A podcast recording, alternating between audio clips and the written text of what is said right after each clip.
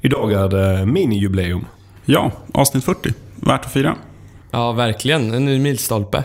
Precis, och såklart så ska vi fira det här på något sätt som du säger Niklas. Och för er lyssnare tänkte vi göra en liten eh, tävling. Och vi kan väl börja med vad man kan vinna i den här tävlingen. Och det är att man kan vinna en exklusiv tavla. Inte vilken tavla som helst utan en replika av den ursprungliga patentansökan av PageRank. Och det är en stor rackare. Den är 61 x 91 cm. Inramad och klart eh, såklart. Riktigt snygg och häftig tavla får jag säga. Ja, jag håller verkligen med. Jag skulle mycket, mycket gärna vilja ha en sån hemma.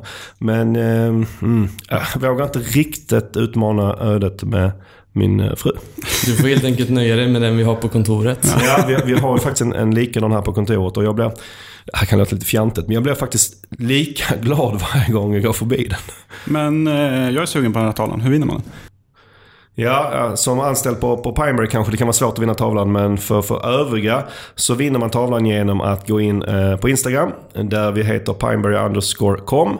Eh, och där har vi lagt ut en, en bild på tavlan så ni verkligen kan se vad det är som står på spel. Och vi vill ju såklart premiera trogna och eh, engagerade eh, lyssnare. Så tävlingen går ut på att du skriver vilket som är ditt favoritavsnitt av våra 40, nu 40 avsnitt. Och så vill vi också såklart ha en liten kort motivering varför just det avsnittet eh, är så eh, bra eh, enligt dig. Och detta skriver du som en kommentar på inlägget på Instagram. Där, på det inlägget där vi visar eh, bilden på tavlan.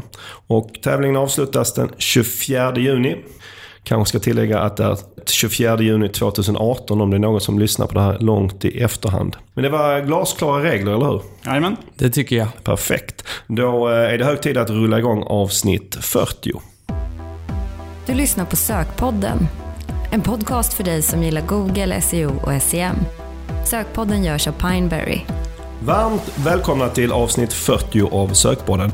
Mitt namn är Mikael Wahlgren. Idag har jag nöjet att sitta här med Simon Davidsson. Hej hej. Och Niklas Krus. Hallå hallå. Våra tre ämnen för dagen är Amazon SEO och schemaläggning av annonser på AdWords och så avslutar vi med automatiska regler på Facebook. Hur är läget med er idag? Jo, men det är bara bra. Det är kul att vara här som vanligt. Eh, men det är sjukt kul. Det är alltid roligt att få vara med och spela in Sökpodden. Mm, det är alltid lite, lite extra spänt på morgonen innan vi spelar in faktiskt. Man, man ser det nästan i, i blicken på de som ska vara med och jag känner det själv att det är lite, lite extra spänt. Så ska det vara. Kul. Eh, och sen förra avsnittet har det som ganska ofta varit en del av er lyssnare som har hört av er. Och det tycker vi eh, alltid är lika fantastiskt. Verkligen. Och jag vill lyfta fram en av de lyssnarkontakter vi fick sedan förra avsnittet. Det var e-handelsprofilen Björn Andersson som hörde av sig på Twitter och berättade att han gillade sökborden mycket. Och det jag kanske fastnade mest för, det, det han skrev i sin tweet var att han hade liksom börjat lyssna på det ganska, sökborden ganska sent och han hade börjat lyssna i kapp. Och det känns ganska häftigt att eh, man tar sig tid som lyssnare att lyssna på alla gamla avsnitt. Då. Så Björn, tusen tack för att du hörde av dig. För det är ju faktiskt så här, och det, det här kanske låter lite högtravande, men det är så att de här lyssnarkontakten vi får är ju som, som vår bensin kan man nästan säga. Att den ger oss den energin som vi behöver för att tycka att det här är, är roligt och fortsätta och spela in avsnitt efter avsnitt. Verkligen. Jag ska säga, för mig personligen så är det en stor anledning och eh, vad jag har förstått även från er att vi faktiskt fortsätter med de här poddarna. Vi är inne på vad är det, fjärde året nu. Ja, precis. Så hör, fortsätt gärna uh, hör, att höra av er till oss. Det, vi uppskattar det väldigt, väldigt mycket. Och hur, hur hör man bäst av sig Simon till oss? Ja, eh, du når oss ju lättast på att sokmotorkonsult på Twitter. Eller varför inte skicka in ett mail till oss på sokpodden at pineberry.com. Ja, eller eh, Instagram funkar det bra också som vi precis har nämnt. Där finns vi under pineberry underscore com. Men då var det dags att vi kör igång dagens första ämne.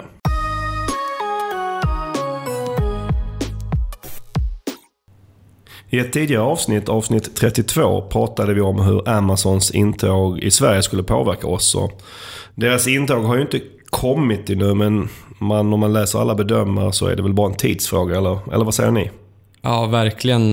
Jag får väldigt mycket frågor och funderingar eh, från de e-handlare som jag jobbar med. Mm. Och eh, det känns verkligen som en het potatis just nu. Ja, verkligen. Eh, och man hör ju mycket i, på nyhetssajter att det är på gång.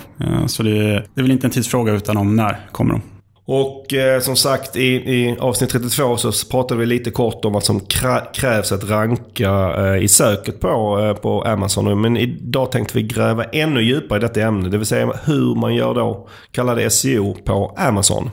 Vi kanske också ska passa på att nämna här att det går ju att köpa sig synlighet i söket på Amazon. Precis som på AdWords. Men det någon, eh, funkar ju på ett helt annat sätt och det lämnar vi nog till ett framtida ämne. Idag snackar vi bara om den eh, organiska synligheten på Amazon så att säga. Vi kanske ska lägga in en, en, en brasklapp här också och vara tydliga med att vår praktiska erfarenhet av eh, SEO på Amazon är ju ganska liten, för att inte säga nästan obetydlig. Av den logiska anledningen att det finns ju inte riktigt i Sverige nu, så vi har inte haft så mycket praktisk anledning att, att börja jobba med det. Precis. Eh, det är lite så när vi pratar om nyheter generellt sett för Facebook och Google. Eh, det här är ju mer teorier och input från andra som vi kommer ta upp idag. Precis.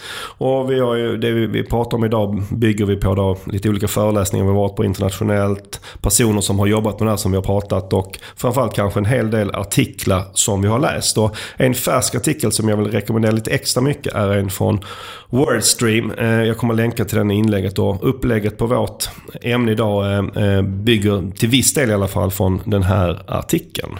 På tal om ingenting, var det inte så att Wordstream såldes rätt nyligen? Jo, jag läste också det. Att eh, Larry Kims eh, fina skapelse, han tror han fick, om jag kommer ihåg helt rätt, om man räknar om det till svenska kronor, fick han väl en dryg miljard för sitt eh, fina AdWords-verktyg. Det måste man vara ganska nöjd med gissar. Ja, det, tycker det jag tror jag verkligen han är. Mm. Om vi nu börjar med hur det fungerar på Amazon så kan man väl säga att algoritmen för att vi i sökalgoritmen är ju betydligt enklare än Googles algoritm. Och det kanske inte är så konstigt att förstå, eller hur? Mm. För att de behöver inte ta hänsyn till så många olika saker som kanske Google behöver göra för att det som Amazon visar i söket är saker som de har 100% kontroll över. Det ligger ju hos dem. Så det blir inte lika, lika komplext tycker dock att det är viktigt att understryka att mm, komplexiteten är inte lika stor, men det är ingenting som säger att det kommer vara enklare för dig att ranka eh, Det är ju helt klart eh, stor konkurrens även på Amazon. Ja, det är ju snarare det skulle jag säga som styr hur tufft det är att ranka konkurrensen. Det är inte egentligen komplexiteten. Mm. Utan komplexiteten med SEO kanske är Google SEO. Det är väl det jag tycker gör att det är extra fascinerande. Det gör ju inte att det är svårare eller enklare att ranka, för det beror på hur konkurrenterna gör det. Mm. Och eh, en liten detalj i sammanhanget är också att eh, Amazons sökalgoritm brukar kallas för ANI. Jag har läst det på ganska många ställen. Och det är för att Amazon har ett dotterbolag som heter just det. Som, och det är de som har utvecklat eh, söket på Amazon.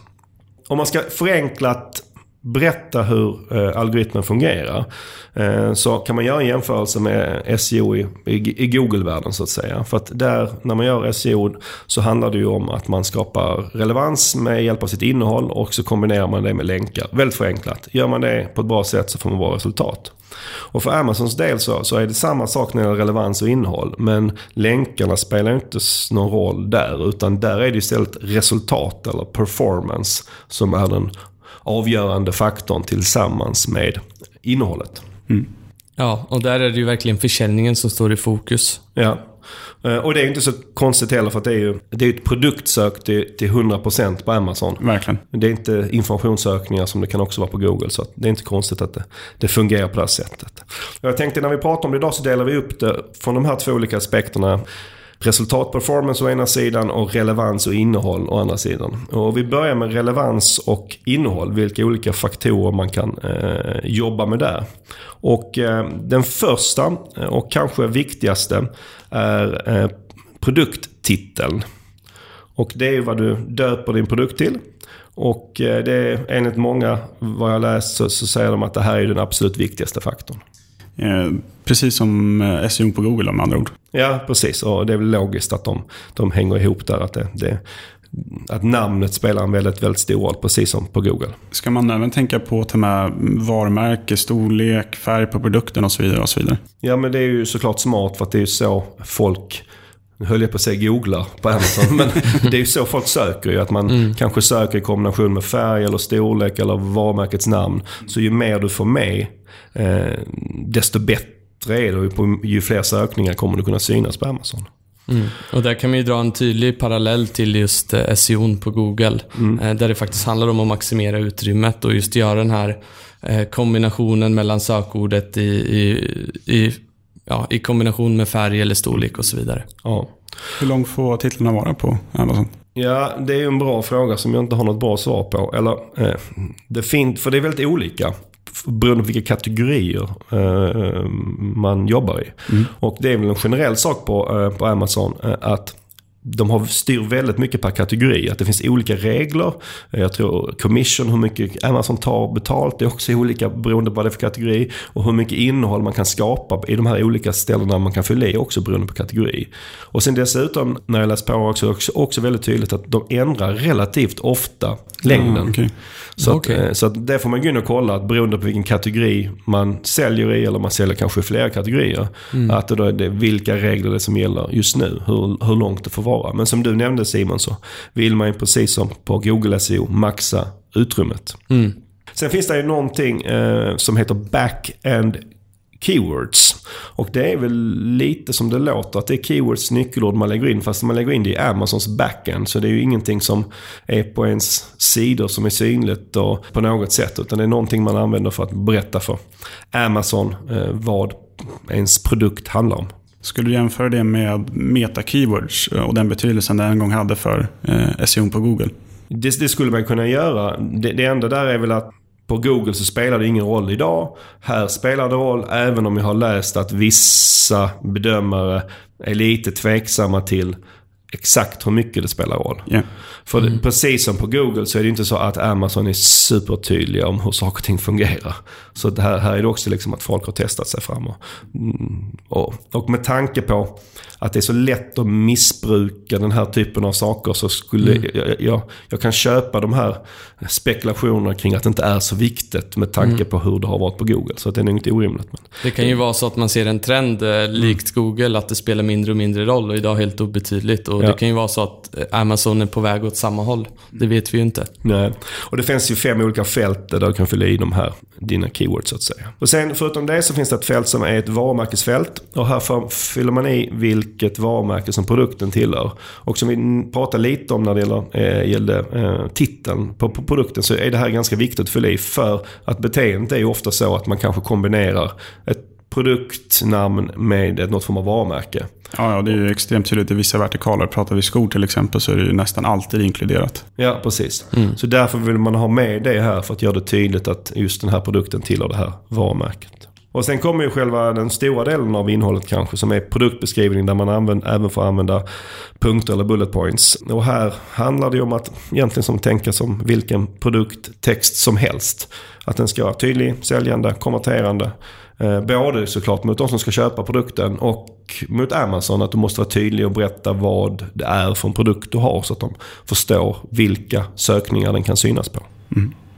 Och här är det viktigt att se till att man faktiskt nämner sökorden för den här produkten. Ja. Eh, Men att man inte överdriver, för vi vill ju inte att det ska bli någon form av keyword stuffing. Till Nej, exempel. det är ju varken bra för de som, som ska köpa produkten eller det är ju ingenting som Amazon läser heller. Och här är det ju vanligt kanske att göra det misstaget som, som man lätt kan göra på, på, på Google också, att man inte nämner sökordet. Det är klart man måste nämna det här i alla fall en gång, liksom, så man får med det, de, de viktiga sakerna för den här eh, produkten.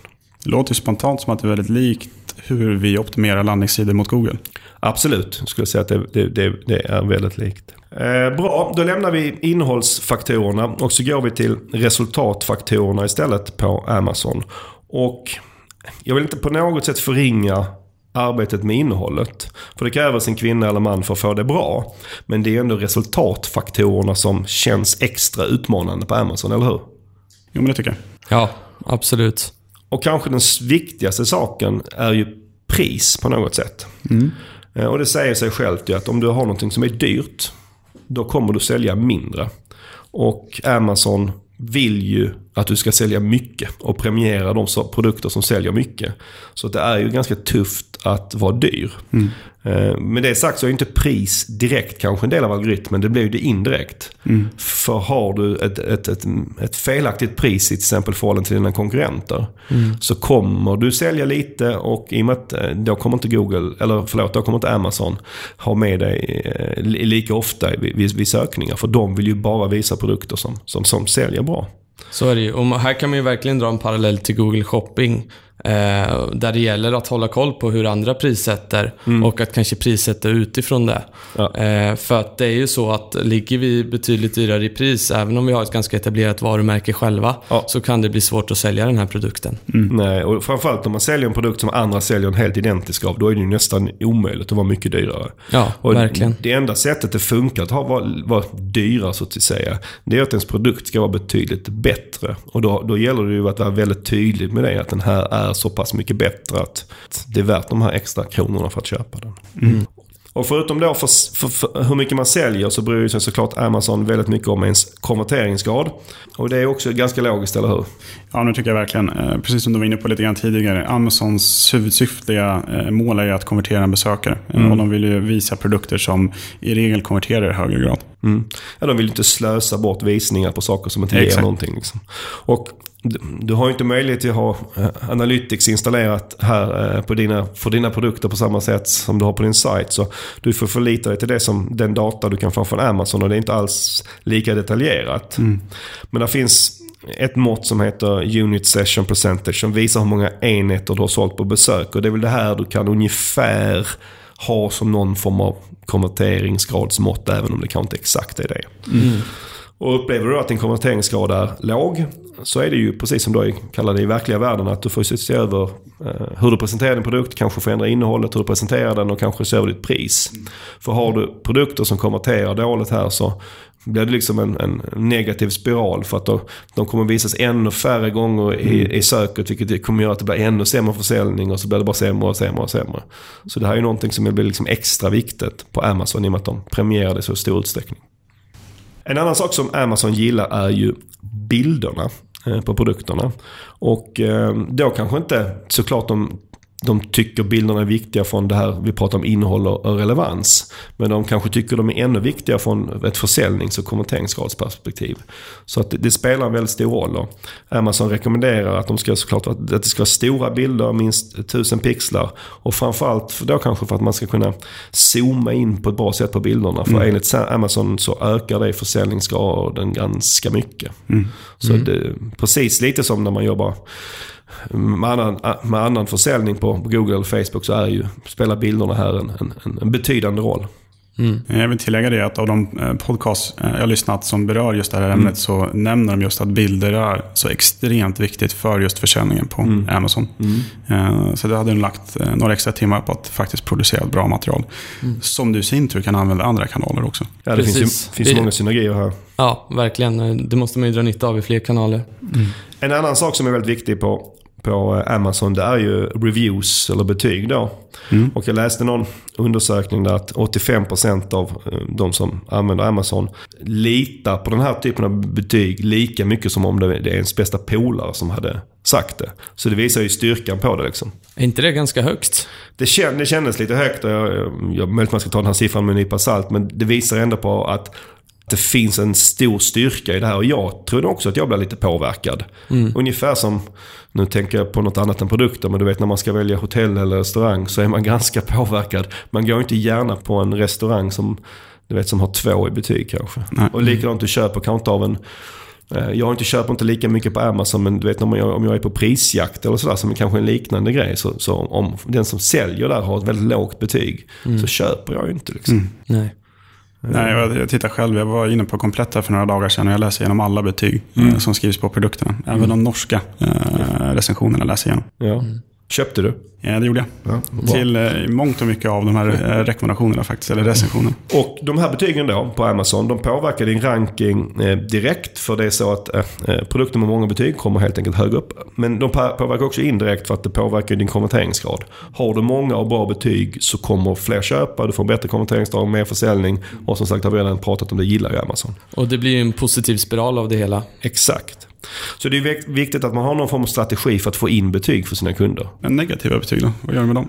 Ja, det är en bra fråga. Alltså, det är svårt att få bort dem, men man får ju se till såklart att man eh, hanterar problemen som tas upp så att du på sikt då kan, kan få en övervägande del positiva betyg. Men de, de kan ju dra ner ganska mycket kortsiktigt. Men är det många som klagar på så ens, eh, ja, att, att den går sönder, någonting går sönder direkt eller att, att det, det är dåligt förpackat eller vad det kan vara. Så, så får man ju se till att fixa det. Så det kan indirekt vara dina bästa betyg kanske? För det där har du chans att påverka någonting. Ja, absolut. Amazon har ju såklart problem med betygen så tillvida att det är fake, fejkade betyg. Och det kan jag ibland när jag läser på betyg. Ibland undrar man om de stämmer eller inte. Vem det är som har skrivit. När de är för positiva så kan man ju lätt undra vad är det här? Och det är inte så konstigt att, att eh, många försöker påverka betygen. För det är ju en sån extremt viktig sak, det har vi konstaterat. Så det är klart att man kan försöka påverka det. Men eh, förbjöd inte Amazon det här med att man kunde betala för betyg för några år sedan? Jo, de har ju gjort det. det, och det på något sätt kan man ju likna det med Googles eh, syn på till exempel länkar. Liksom att Google vill inte att man ska påverka länkarna eh, och därför säger de att man inte ska påverka dem eller betala för dem eller på något sätt. Och det vill ju inte Amazon heller med betygen. Du ska inte påverka dem, du ska inte betala för dem. På något sätt kan man jämföra de här, eh, att, att de har ungefär, det är ungefär samma utmaning i dem. Mm. Och Amazon själva, de säger att 99% av alla betyg är riktiga. Mm. Låter som en ganska hög siffra, eller vad tror ni? Ja. Det känns det, väldigt, väldigt, väldigt, känns väldigt, väldigt, väldigt högt.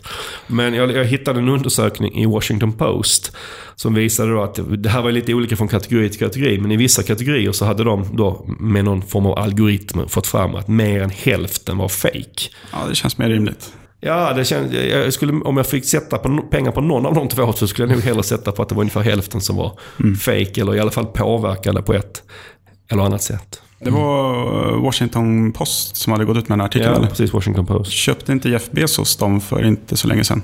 Jo, det stämmer. Det har jag inte ens tänkt på. Det var ganska, jag vet inte om det var ett par år sedan han köpte den tidningen. De gick ju dåligt då. Undrar om Jeff är så nöjd med den här artikeln. det får vi se. Vad bra. Men med det så lämnar vi Amazon och SEO för idag. Vi får säkert anledning att återkomma om, eller kanske snarare när, Amazon gör sitt intåg i Sverige.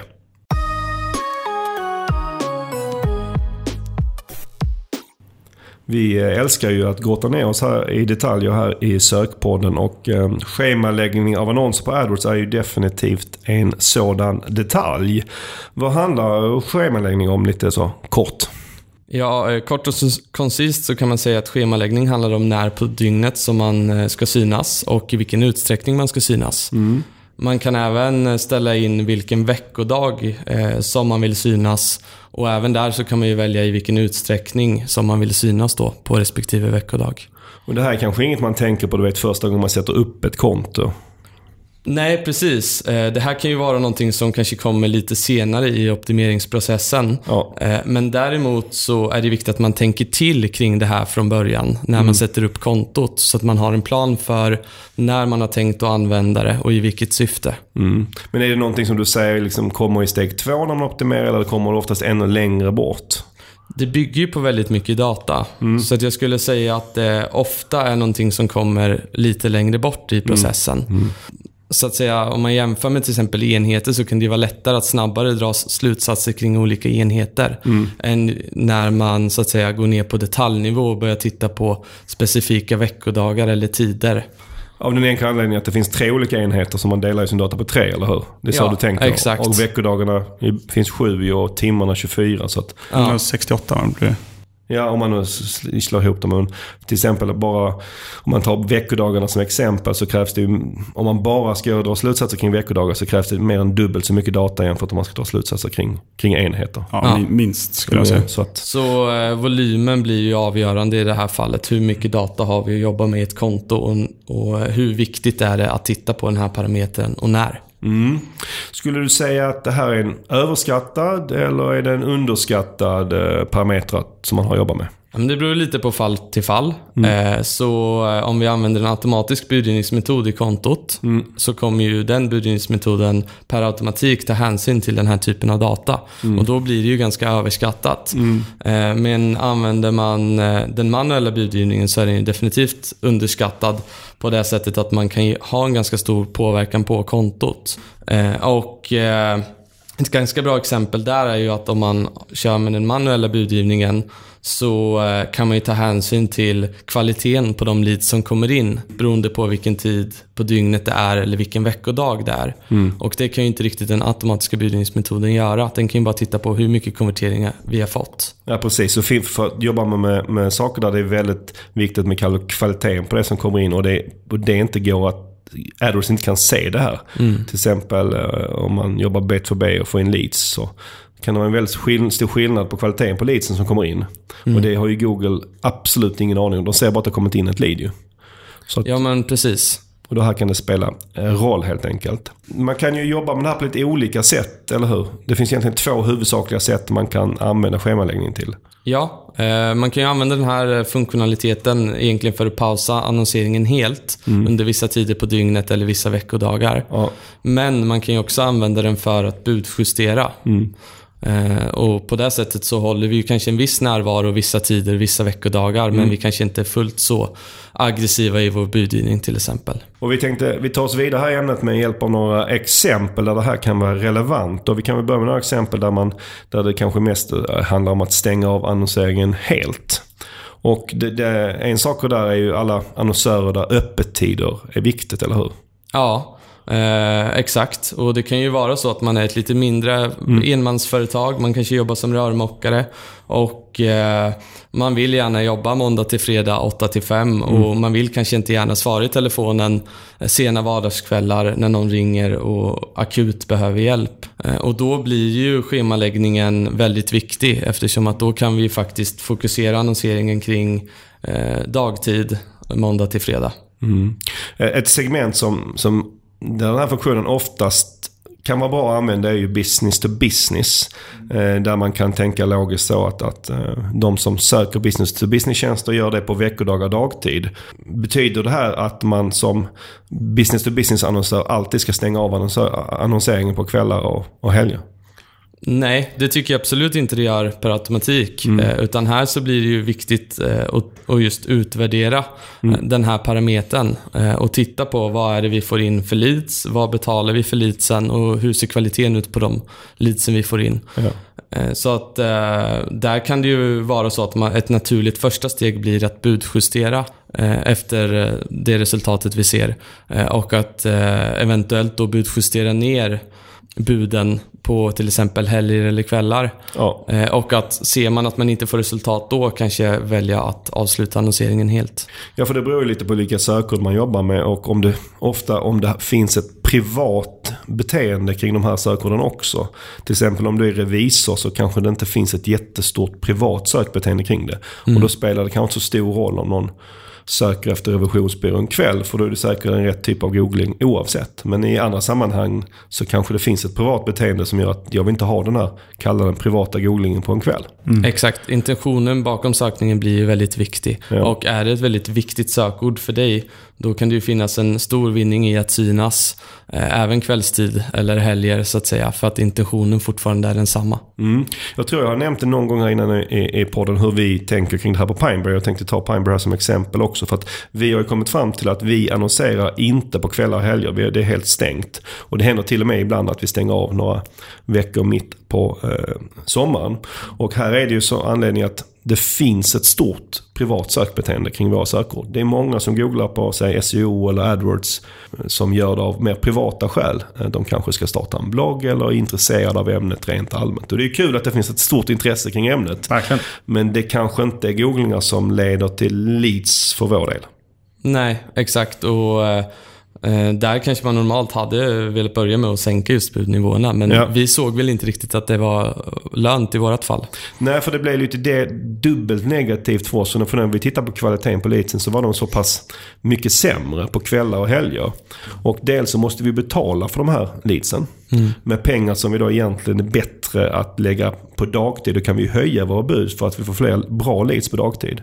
Men det är ju det ena saken att vi får betala för någonting som kanske inte är så bra. Det andra är att vi måste hantera leadsen som kommer in.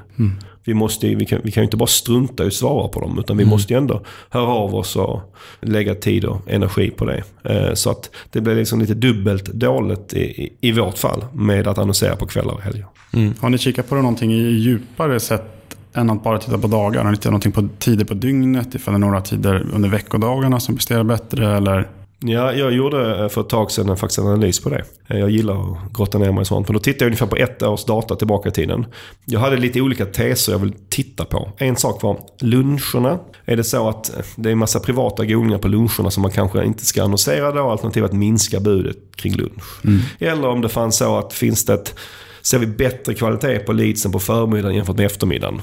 Då, då såg jag kanske inte framför mig att vi skulle sluta annonsera utan då kanske då att vi skulle budjustera upp mm. och ner lite beroende på hur det såg ut. Mm. Och, eh, då försökte jag gå igenom alla och bedöma kvaliteten i leadsen på, som har kommit in. Och tyvärr då, eller tyvärr och tyvärr, jag vet inte. Det var väl bara det jag kom fram till ändå. Men jag kunde inte riktigt komma fram till något mönster. Mm. Och när det gäller luncherna så kanske det är ganska logiskt för att jag utgick kanske då lite från lite dumt att, mellan, att man har lunch mellan 12 och 13. Men det har man ju inte längre. Mm. Folk går ibland väldigt tidigt på lunch och väldigt sent på lunch. Så att, att det, det, är klart att det finns massa företagsgooglingar också mellan 12 och 13. Mm. Så jag kunde inte riktigt hitta något mönster där. Det låter ju spontant som ett eh, typiskt sånt case där det kan vara svårt att liksom se den här datan eller det här mönstret.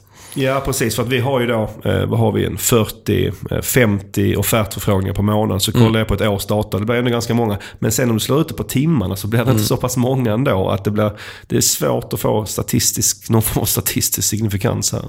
Men det är möjligt att jag får se om jag kan sluta på ännu fler år och se om, om jag kan se något mönster då. Mm. När vi ändå är inne på det här med mönster. Ja. Eh, jag tycker att eh, hotellsegmentet är ett ganska intressant eh, segment. Mm. Eh, och det jag tänker på där är ju främst eh, när det kommer till privatpersoner som bokar hotellrum. Eh, för där kan man se en ganska tydlig trend just att man eh, tenderar att göra ganska mycket research inför helgen och mm. under helgen. Men att man kanske då på söndagen eller måndagen eller tisdagen när man faktiskt har liksom kommit till ett beslut tenderar att boka det här hotellrummet. Mm.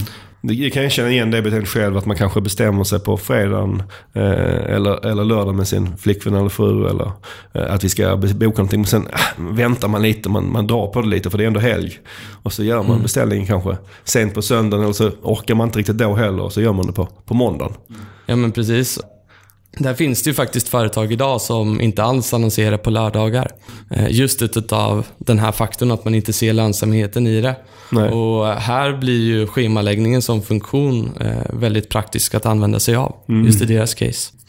Men om man tänker liksom helt andra typer av segment där det kanske inte finns någon eh, tydlig vad heter det, man kan inte se någon tydlig anledning på förhand att man ska göra det. Ta e-handlare till exempel. De har ju öppet alltid och de vill väl alltid sälja sina varor. Men, men kan det här vara någonting som man ska tänka på även som e-handlare?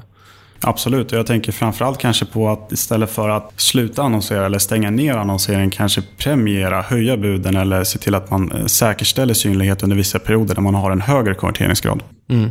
Och en bra, en bra rekommendation där är ju helt enkelt att man följer med konverteringsgraden med budnivåerna. Så mm. att eh, när man ser att man har lite högre konverteringsgrader Eh, då skulle man även kunna vara beredd att betala lite mer för att få det här klicket. Mm. För teoretiskt sett, nu vet jag inte om det, det, är så, men teoretiskt sett kan man ju tänka sig att folk lägger i en större varukorg på vissa tider på dygnet eller vid vissa dagar. Att då köper man för lite mer av någon anledning. Mm.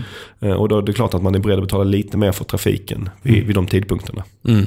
Och äh, återigen, vi tjatar lite kring det här med, med data, men äh, det är ju så otroligt viktigt just i de här casen. Mm. Och det här är ju någonting som jag tycker att man ska titta på som e-handlare just när man varit igång ett tag. Mm. Så att man verkligen får de här volymerna. Mm. Men det är ju också en fördel för oftast e-handlare. För e-handlare har ju oftast ganska många konverteringar till exempel jämfört med B2B-företag. Så att där får man ju oftast data efter ett tag i alla fall. Ja, absolut.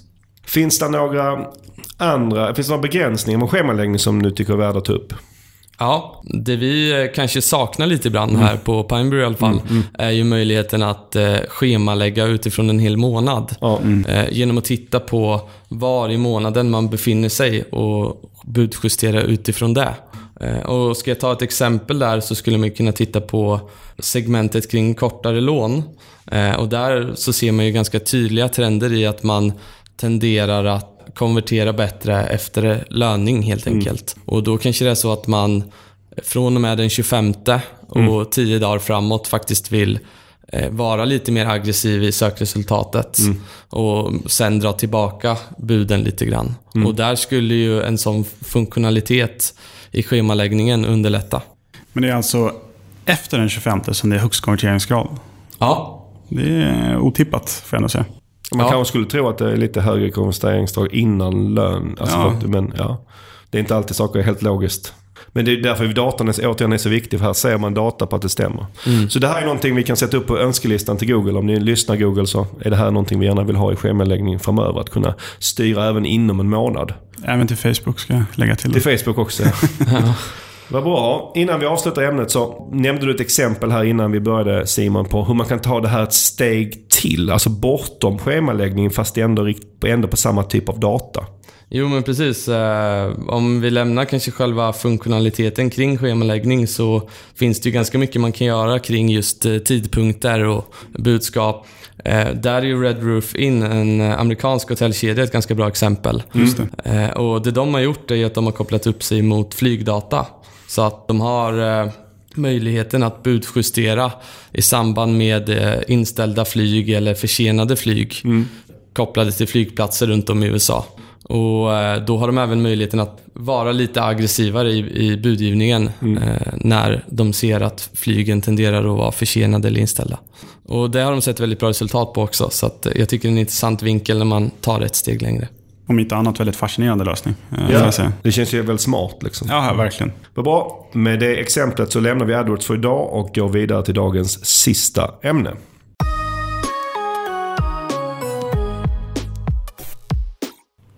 När vi eh, pratade om budgetar på Facebook i avsnitt 28 så nämnde vi automatiska regler på eh, Facebook. Och då var det relativt nytt och för det lanserades då hösten 2016. Och idag här i sista ämnet så är det dags att djupdyka i frågan. Och det här med automatisering det är ju, det är ju hetare än lava just nu, eller vad säger du Niklas? Ja, ja, verkligen. Pratas om det i all form av digital marknadsföring just nu. Mm. Det finns ju mycket att tjäna på alla former av automatisering men skulle ni säga att det också finns negativa saker med det eller är det bara positivt? Ja, men det är ju lite som med allt. eh, Det finns ju nästan inget som enbart är positivt. Nej. Men fördelarna i många fall skulle vi säga överväger nackdelarna. Ja, ja, verkligen. Men vi börjar bara lite kort gå igenom automatiska regler. Vad är det för någonting Niklas? Kort och gott så är det ju en, en trigger eh, som vi sätter upp mot ett nyckeltal. Eh, Och det här nyckeltalet, eller den här triggern kan ju vara baserat på en, att du vill öka budget eller att du vill öka budet. Det kan också vara att du vill stänga ner någonting. Men i regel en trigger som du sätter mot ett nyckeltal.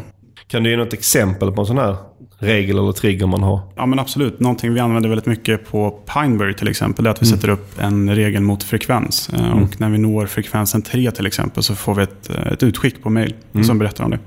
När vi når 5 i frekvens i vissa konton så stänger vi ner annonsen direkt. Skulle du säga att eh, den här automatiska regler är, om man använder sig av dem, har man då automatiserat sin annonsering helt och hållet? Nej, verkligen inte. Eh, Så det man gör är att man automatiserar en del. Eh, I dagsläget skulle jag vilja säga en liten del. Nej. Utav eh, det hela arbetet så att säga. Så det är snarare någonting som underlättar ditt arbete? Verkligen, och jag tycker någonstans, eh, det säger också att du får bättre resultat på den annonseringen du gör. I och med att du kan ligga närmare resultatet och i regel ta mer beslut. Då.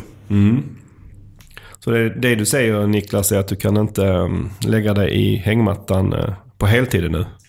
Eh, Inte på heltid, du kan förmodligen ligga lite längre eh, i hängmattan, absolut. Eh, Men att lägga sig på heltid blir svårt. Men lite längre är bättre än inget, eller hur? Verkligen, fem minuter till är guld värt ska jag säga. Mm. En sak som du nämnde här innan som, du, som finns nu som, som du har saknat sedan tidigare, det är att man kan, även kan gå på ROAS, eller hur? Ja, exakt. Tidigare så kunde vi bara styra den mot CPA. Eh, Till exempel när vi tog upp det i podden eh, 2016 där så kunde vi inte styra mot ROAS. Eh, Men det kan vi göra i dagsläget. Nej, och framförallt då kanske e-handlare så är det ju en Verkligen. sak man ofta vill styra mot. Där finns ju de här fyra olika action man kan sätta trigger på. Vi har ju till att börja med att du kan pausa en kampanj, adset eller annons. Eh, Du kan också bli informerad så att du får ett mejlutskick eller en notis mer eller mindre. Eh, Sen också att du kan höja eller sänka budgeten beroende på resultat. Eh, Och sen höja och sänka buden. Ja. Vil, vilken av de här är bäst och vilken, hur ska man tänka? Alla är givetvis bra. Jag skulle någonstans börja med att kanske ställa in någon regel mot bud och budget. Budgetfördelning, kanske börja med den just också. Varför det? I regel där vi ser det att ge bäst resultat. Eh, Det är där vi kan påverka mest eh, i resultatet. Hur eh, ska man använda de här reglerna på, på bästa sätt? Eh, Men det är en jättebra fråga. Generellt sett så brukar vi dela in dem i tre olika kategorier. eh, Kan vi kalla det för. Och den första är egentligen löpande optimering eller finjusteringar gällande just budget och bud. Eh, sen har vi också en form av skyddsregel eller en regel som är till för att vi inte ska överspända eller att frekvensen ska sticka iväg på någon annons. Mm. Och sen också för att skala upp kampanjer och adsets där vi ser väldigt bra resultat. Och hur kan man använda det här för att skala upp de här kampanjerna eller adsetsen? Till exempel om du har en, en automatisk regel kopplad till budget och du ser väldigt bra prestanda mot en specifik målgrupp så kan du låta den, istället för att du ska låta den vara begränsad, där du faktiskt ser bra, bra resultat, så kan du låta den prestera fritt så länge du uppfyller de här nyckeltalen. Till exempel en ROAS eller ett CPA. Då. Okej. Vad, har du några mer eh, tips på hur man ska tänka? Eh, Ja, men det första jag tänker på egentligen, det är lite grann det vi var inne på när vi pratade om schemaläggning på AdWords, men det är just att du ska få tillräckligt mycket data. Eh, Och hur mycket är tillräckligt mycket data? Ja, bra fråga. Eh, Någonstans så brukar jag utgå ifrån 100 klick eller 10 000 visningar. Per default eller per standard i Facebook så säger de 8 000 visningar. Och inga klick, eller hur? Inga klick eh, faktiskt. Tycker du att man alltid ska ha med klick som ett grundkrav? Det tycker jag. Eh, Så i vissa fall så ser vi att annonser får sjukt bra CTR. Eh, Och vi kan nå den här klicktröskeln betydligt tidigare än Ja. 10 000 visningar. Sen är det väl också viktigt att hålla tungan rätt i mun? Eh, ja, precis som med all form av automatisering så är det sjukt viktigt att man eh, verkligen sätter upp det här korrekt. En sak som jag ser ofta att man missar det är till exempel vilken time range eh, man ställer in på den här regeln. så att säga. Hur lång tid tillbaka den ska ta hänsyn till. Tar vi frekvens som ett exempel så är det vanligt att man sätter den på senaste sju dagarna. Där man optimalt kanske vill sätta den på 30 dagar. Hur ska man tänka kring uppföljning av sina regler? Så det fina med de här reglerna är att de agerar i de flesta fall om du inte får ett meddelande. Eh, Men eh, det vi gör i, i många konton är att vi sätter upp automatiska rapporter eh, Ja. tillsammans med det här. Just för att hela tiden få en återkoppling på hur, hur väl de presterar helt enkelt. Sen tycker jag också att det är viktigt att man dokumenterar vilka regler som är aktiva. I mångt och mycket för dina kollegors räkning men också just nu när man springer iväg på semester. Eh, Och eh, där också, sätt inte igång några nya regler nu när ni ska eh, iväg på semester utan det görs bäst när ni kommer tillbaka. Det låter klokt. Man kanske inte ska sätta några regler precis innan man hoppar ner i hängmattan. För då, då kanske de spårar ur under sommaren. Och det, Det kan, det, räkna med att någonting går fel. Ska jag säga. Så att du bör vara tillgänglig de närmaste dagarna för att kunna korrigera någonting. Vad bra. Då eh, återstår det eh, bara att avsluta dagens avsnitt av Sökpodden.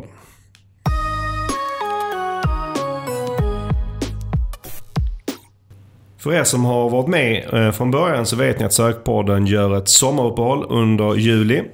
Och det kommer vi göra i år, precis som vanligt. Men vi är självklart tillbaka i augusti igen.